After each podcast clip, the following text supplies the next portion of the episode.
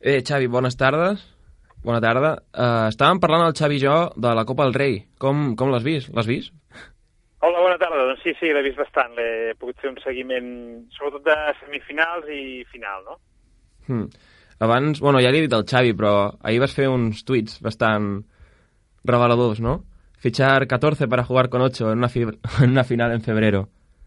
Sí, eh, però de fet després d'això hi havia més comentari, deia això es, es, es pot interpretar de diverses maneres, no... no... Home, jo, jo per mi està, està clar que, que, que ara mateix, doncs, bueno, amb, amb el que és el, el bàsquet modern, no? els equips llargs són un factor que, que cada cop és més important i sorprèn, no? Sorprèn un equip que aposta per tenir un equip tan, tan, tan llarg i, i a l'hora de la veritat doncs, el fa més curt, no? bueno, simplement eh, va ser un tuit que va tenir bastant èxit, uns quasi bé 80 i pico, 90 retuits, bueno, deu ser perquè reflexava o reflectia un sentiment compartit amb més gent, no? Sí, a més, a més bé deies que invita a muchas reflexiones i, i va ser així, realment. Sí, sí, sí, sí. Doncs eh, un cop hem fet aquesta petita valoració, eh, passem a, a l'entrevista, que és per això pel que t'hem trucat. Eh, volem eh, saber cosetes de tu, volem que els nostres oients en aquest eh, primer programa sàpiguen coses de tu i, i això, eh, passem a, a una tanda, a una ronda de, de, de preguntes indiscretes. Molt bé, endavant, estic preparat. Només vas estar un any entrenant de primer entrenador a Manresa, no? Bueno, de fet, mitja temporada m'han fet fora a mitja temporada. Com, com va ser això? bueno, bàsicament perquè vam perdre molts partits, no? Llavors, això funciona d'aquesta manera. Bueno, abans funcionava així, ara no, com que no hi ha diners, encara que perdis no et fan fora, no? Però abans sí. I, bueno, doncs això, simplement que l'equip, com sempre, Manresa sempre té equips just, justets, no?, de, de recursos, i, bueno, jo era molt jove, tenia 32 anys, i la veritat és que vam començar molt bé, però el que va haver una mica de dificultats de diferents tipus, doncs jo bueno, vaig, vaig pecar de, d'experiència amb coses, també doncs, de mala gestió a vegades de, de les emocions, dels problemes... Bueno, van passar coses que, que van fer que no, que no fos capaç de, de, de remuntar l'equip, no? Hmm. I, I ara ets entrenador o només et dediques al coaching o com va això? Bueno, jo sempre seré entrenador, no? Sempre seré entrenador. Uh, això entrenador, de, de, almenys de la manera amb la que jo he viscut sempre, ja forma part de, de mi. Llavors ara no tinc cap equip per entrenar, i l'any que ve tinc ganes d'entrenar, llavors o bé, o bé em fitxa algú o, o m'inventaré algun club, però bueno, acabaré entrenant l'any que ve. Xavi. Aquí a Montornès tens les portes obertes, ja ho saps, això és, és casa teva i el teu alumne Xavi Espín eh, et posarà la l'estora vermella perquè puguis passar de, de, de pam a pam. Bueno, moltes gràcies, moltes gràcies. Però bueno, la, la idea és aquesta, no? La idea és, és valorar ara un cop, doncs, fa un any i mig, uh, un any i mig, dos, que, que no estic entrenant, doncs he estat fent altres coses que també m'agrada molt fer i no vull deixar de fer, però tinc ganes de tornar a estar a la pista, tornar a experimentar, a sentir, a viure la, la, la feina aquesta d'entrenar. No? Hmm. Bueno, ja saps, Xavi, contratant aquí, no? bueno, a part d'entrenador, també fas conferències, formes sí. i ets coach esportiu. Això de coaching, què, què viene a ser esto? Bueno, això, això és, clar, és, una, és una història que té moltes definicions, eh, té moltes interpretacions, té moltes mirades, no? Eh, jo et diria que, per una banda, és una moda. Eh, les modes, no, no, no per ser moda, són dolentes per això, eh? És a dir, que a vegades es diu moda com un terme que, de, que pot desprestigiar i no, no té per què ser així.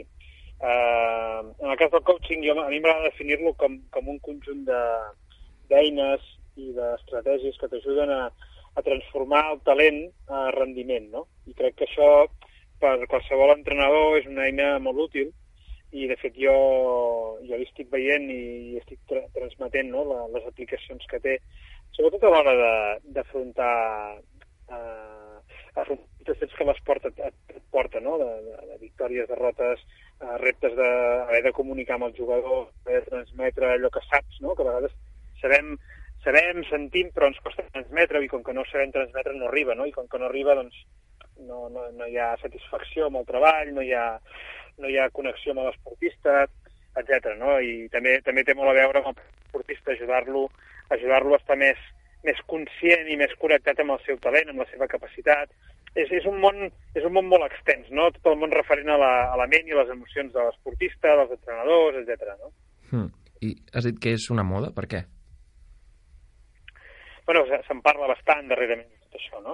Uh, diguem que mm, fa uns anys el, tot era molt més senzill i a mesura que van passant els anys doncs, van apareixent noves figures especialistes no? amb el treball físic, amb el treball d'anàlisi del rival, amb el treball de recuperació de lesions, i ara doncs, doncs, doncs és un moment on la, la figura de l'especialista amb el tema mental i emocional de l'esportista i l'entrenador doncs està, està apareixent com una, com una figura que porta valor afegit i que cada cop es va sent més necessari. Mm. I tu com vas entrar-hi al coaching, al, al món? Sí, bueno, hi vaig entrar justament una mica pel que us he explicat al principi, no? De, a partir de, del, del, diguem, del fracàs a Manresa, no? de no ser capaç de, de treure tot el que jo tenia dintre i, que, i veure que quan hi ha problemes no sabia com afrontar-los del tot. A partir d'això és quan em dedico a buscar alguna que m'ajudi eh, perquè quan torni a entrenar estigui més preparat, no? Perquè, clar, l'alternativa de tot això és que no tinguin la culpa els altres quan no et van bé les coses, però no, això no t'acaba portant en lloc. Llavors, en aquell moment vaig, em va semblar que el, que el que havia de fer justament era preocupar-me de veure com podia jo millorar, no? Mm. I això és el que em va portar a descobrir el coaching. Llavors, un cop t'hi poses, doncs, bueno, les circumstàncies eh, doncs, donen girs i toms i al final doncs, compagines la feina d'entrenar, la feina de fer coaching i de fer formacions. A mi sempre m'ha agradat donar, donar cursos i fer conferències. Llavors, bueno, he trobat una mica un punt un punt on puc uh, fusionar doncs, els dos, les dues passions aquestes, no? la del bàsquet i la de, i la de la formació, eh, uh, conferència, bueno, una mica tot plegat. No? O sigui, ha estat un, una entrada a partir de, a partir de detectar una necessitat i a partir d'aquí s'ha convertit en una, una forma de viure, no? Mm, bueno, conferències, formació, però també llibre. Sí, sí, sí. Ja fa 4 o 5 mesos que, que, que, que vaig poder tenir la, la, el temps, la dedicació i la, i la inspiració no? per poder treure aquest llibre, entrenament i emocions de l'esportista i els que l'envolten, i bueno, estic, estic content, m'ha permès m'ha permès eh, viatjar, veure, conèixer molta gent, fer, fer presentacions per tot, per, per tot arreu, no? Mm. I, bueno, és, està sent una, una molt bona experiència, la veritat és que sí. El Xavi, el, el Xavi Espín, diu que el coaching li ha canviat la vida. Bueno, tanto l'ha canviat que està fins i tot el tríptic del campus. Sí. Com t'ha afectat a tu? Bueno, aviam, eh, és, és difícil de veure perquè eh, diguem que estic, estic a dins, no? Estic a dins encara del procés de... Jo crec que encara, eh, encara em falta conèixer, conèixer més a mi i veure fins a quin punt, doncs, d'aquí cinc anys vista, a veure on serem, no? Eh, jo crec que el coaching el que m'ha portat és, és obrir la mirada, això sí. Eh, hòstia, eh, hi ha més coses a la vida que fer d'entrenador, es pot fer d'entrenador d'altres maneres, pots dependre d'un, de l'altre, pots pensar, pots tens dret a, a somiar, bueno, no sé, una sèrie de coses que, que de sobte poden semblar com molt així estrafolàries, però en definitiva el que fan és obrir-te la, la mirada, no? Com, com veus el món, com veus la teva feina, com et veus a tu mateix. Mm. I... Bueno, si no et fa por, si no et fa por aprendre, doncs eh, és fascinant, no? Llavors, clar, és difícil de dir com m'afecta perquè encara m'està afectant, jo crec que en positiu, lògicament, i que vés a saber, no?, que, que em pot acabar deparant la, la vida ara mateix. Mm. Ara mateix encara sóc molt jove i tinc molt temps per experimentar moltes coses, no? Sí, i, i tu, Espín, què? No, no dius res d'això? Jo, ell sap que per mi és un, és un referent, per mi és, és fantàstic i és un, és un plaer que el Xavi sigui el, el primer convidat d'aquest programa. És un, és un referent proper, és, és, és un amic, és, és una influència. Eh, recomanar a tothom eh, la lectura de, de, del seu llibre i escoltar-lo parlar perquè és, un, és, és tot un plaer és molt, molt important eh, saber tocar de peus a terra quan, quan parles eh, de gent, de gent com el Xavi, que ens diu eh, si no et fa por aprendre, el coaching és fascinant. Doncs eh, jo, per exemple, ell em va fer perdre moltes pors i ha significat un, un canvi molt, molt important a, a nivell professional, si més no, i, i aprofito, aprofito aquest directe per, per agrair-li també públicament. Bueno, moltes, moltes gràcies. ja ho saps que això, al final... A mi m'agrada sempre dir-ho, no? que, que, que, que el coaching no, no és per tothom. Eh? Hi ha gent que diu que el coaching és per tothom i no és cert, només és pels valents. Um, I tu ets molt valent. I tothom amb, amb, el qui es posa amb el coaching és valent perquè, perquè assumeix que, que té alguna por, que té coses que creu que pot millorar, no? I s'hi posa, no? Hi ha molta gent que, que prefereix dir que, que no, que ell ja està bé com està, però en realitat no ho està, perquè tots, tots tenim espais de millora, inquietuds, ganes de fer coses. Mm, bueno, doncs es tracta de posar-nos mans a l'obra, no? Jo diria que és una, una manera de sintetitzar el que vol dir el coaching és això, és dir, respectar-te tu mateix, no? És a dir, tinc un somni, tinc un objectiu, tinc una meta a la vida, però no, no és fàcil, pel motiu que sigui. Doncs tinc dues opcions, o, o renunciar a això i, i quedar-me quiet o dir, ostres, doncs anem a mirar a veure què puc fer com ho puc fer, no? Sí, sens, sens dubte jo em quedo amb aquestes dues definicions, el respectar-te a tu mateix i la, la definició de, de mediocritat que, que sempre ho hem parlat a, a nivell personal tu i jo, amb la que acabem, amb la que acabem el, el, el llibre.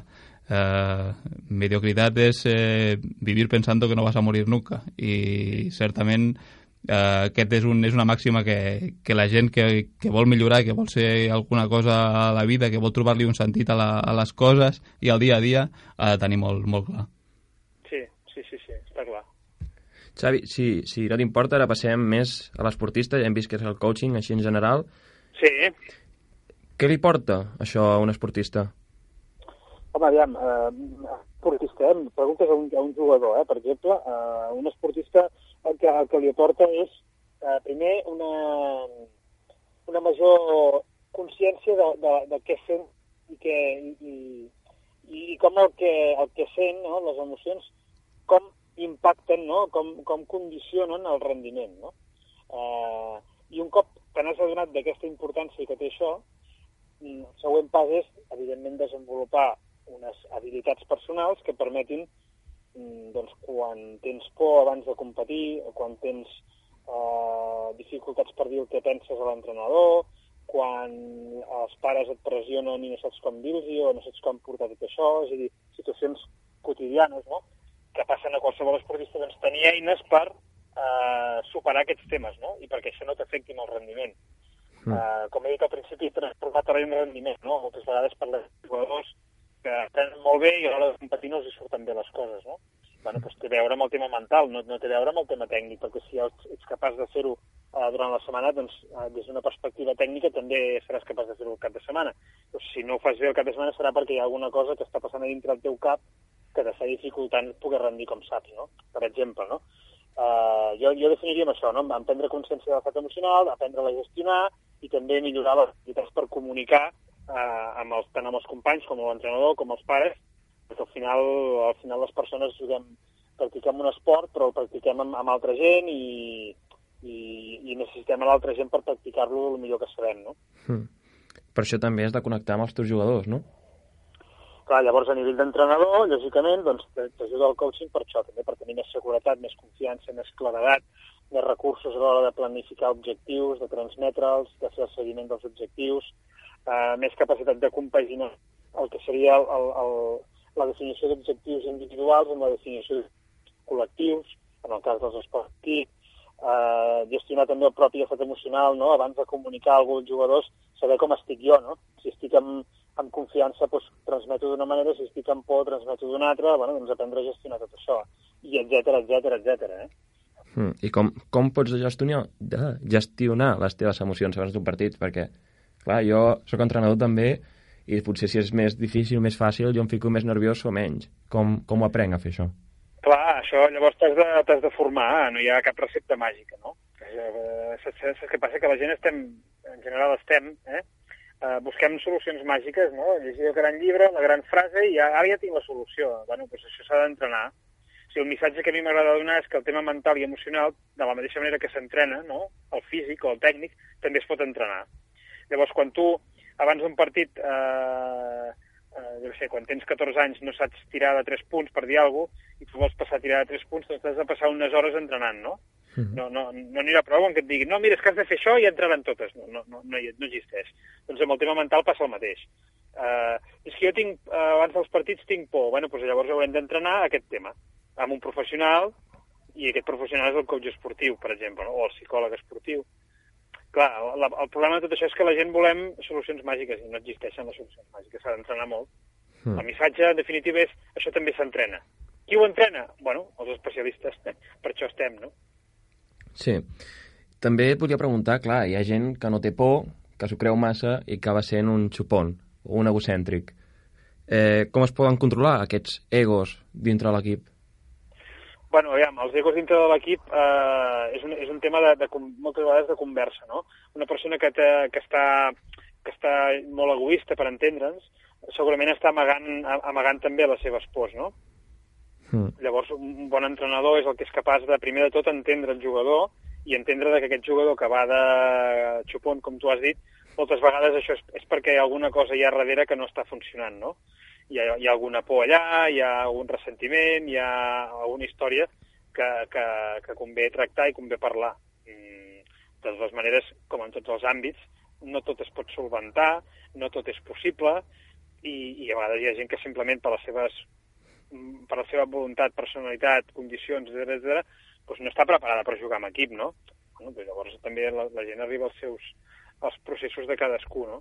Vull dir que no, no, no, no pretenc que, que des del coaching hi hagi cap fórmula màgica, com he dit alguna vegada. Simplement et, et pot ajudar doncs, a, això, a parlar amb aquesta persona, a entendre'l i a, a fer-lo eh, fer-lo relaxar una miqueta, a confiar més en tu i, i poder, poder tenir més confiança, no?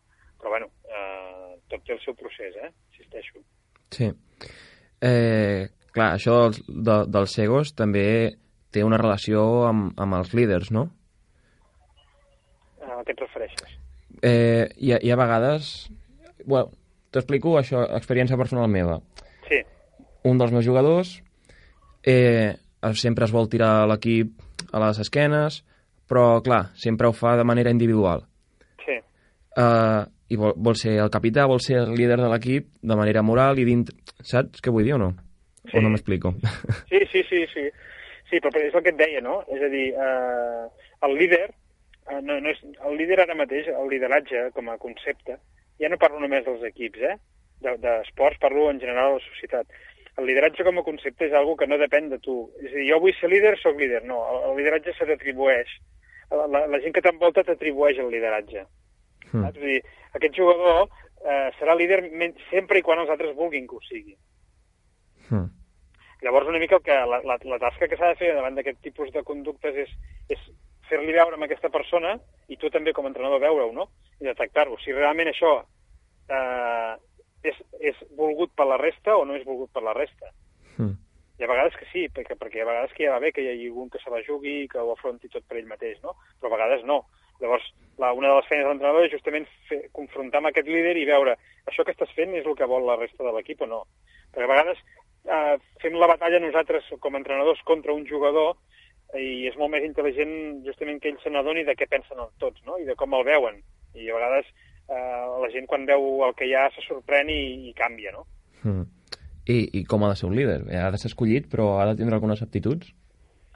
Bueno, no. Essencialment el líder ha de tenir una cosa que és molt, per mi és la més important, que és que ha de ser un mateix, no? O sigui, ha de ser un mateix. No has de, no has de fer coses pensant en que els altres els agradaran o no, sinó que has de, has de mostrar tal com ets, no? Llavors, una altra cosa que ha de fer un líder és predicar amb l'exemple.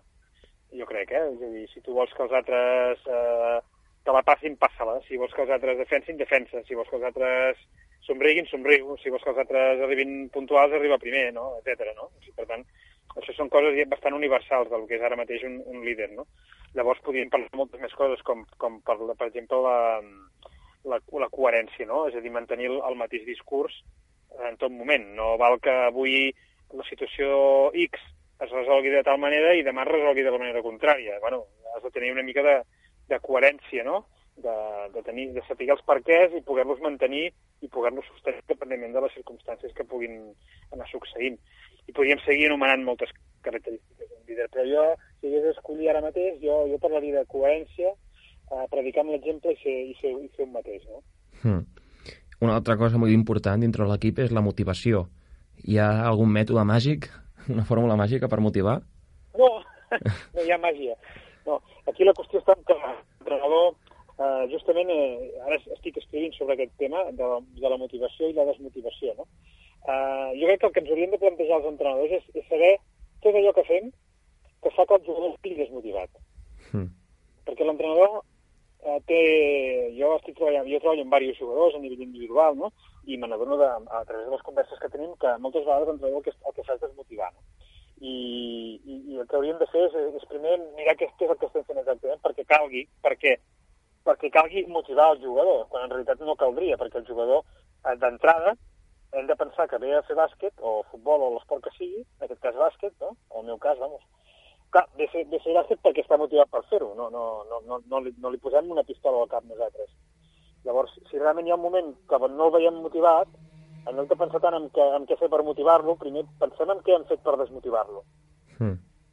És, és una putada, eh, aquesta pregunta, però bueno... Eh, Pues sí, una mica, no? però és així, perquè clar, si tu pares a mirar, venen motivats. doncs sí. Llavors, alguna cosa estem fent per desmotivar-los. Has, has parlat diverses vegades dels entrenadors i de com ha de ser, però com ha de ser realment un, un entrenador? Què, què ha de tindre un entrenador per ser un entrenador? Bueno, això és una, una, una pregunta que podríem fer aquí un tractat, no? Però la qüestió essencial seria que un entrenador el que ha d'aconseguir és que el seu jugador jugui tot, tot el bé que pot jugar i que faci Mm. Que aquest màxim, no? aquest tot el bé que pot jugar, que faci que això augmenti durant l'any, és a dir, que sigui capaç d'ensenyar i, a més a més, facilitar el context perquè el jugador jugui al seu màxim. Llavors, per fer això, ha de conèixer molt el joc, ha de, ha de buscar el talent del jugador i fer-lo créixer, ha de ser humil, ha d'escoltar, eh, ha de formar-se contínuament, eh, bueno, clar, moltes coses, no? Ha de tenir una ètica, ha de, ha de transmetre uns valors, eh, ha d'estar molt preparat, s'ha de preparar, és vocacional el fet d'entrenar, no? No és, no és una cosa que es pugui fer tan fàcilment. I moltes vegades la gent es pensa que quan, en el moment que li donen un equip és entrenador. No, simplement tens aquest càrrec, però ser entrenador requereix un estil de vida, requereix una, un compromís, una dedicació, eh, un procés un de maduració, aprenentatge... Bueno, és, és, és tot un món, no? Com podeu notar, eh, per a mi és un tema que m'apassiona, no? Eh, però, bueno, esclar, és que no, no és tan fàcil entrenar. Entrenar no és perquè et donin un equip, és moltes més coses, no? Doncs sí. Doncs jo, per mi, ja està l'entrevista. Si el Xavi té alguna cosa a dir... Jo, com, com sempre, mestre, agrair-te la teva deferència cap, a, cap al nostre programa, contra, cap a Ràdio Montornès, cap a aquesta emissora. Eh, esperem que sigui tot un èxit, que no sigui, que sigui el primer i no l'últim. I ja et dic que la meva, la meva intervenció ha estat, ha estat molt lleu, perquè m'he dedicat, eh, com sempre, a escoltar-te amb moltíssima passió i he anotat eh, la tira de coses amb un, amb un full que tinc aquí al davant.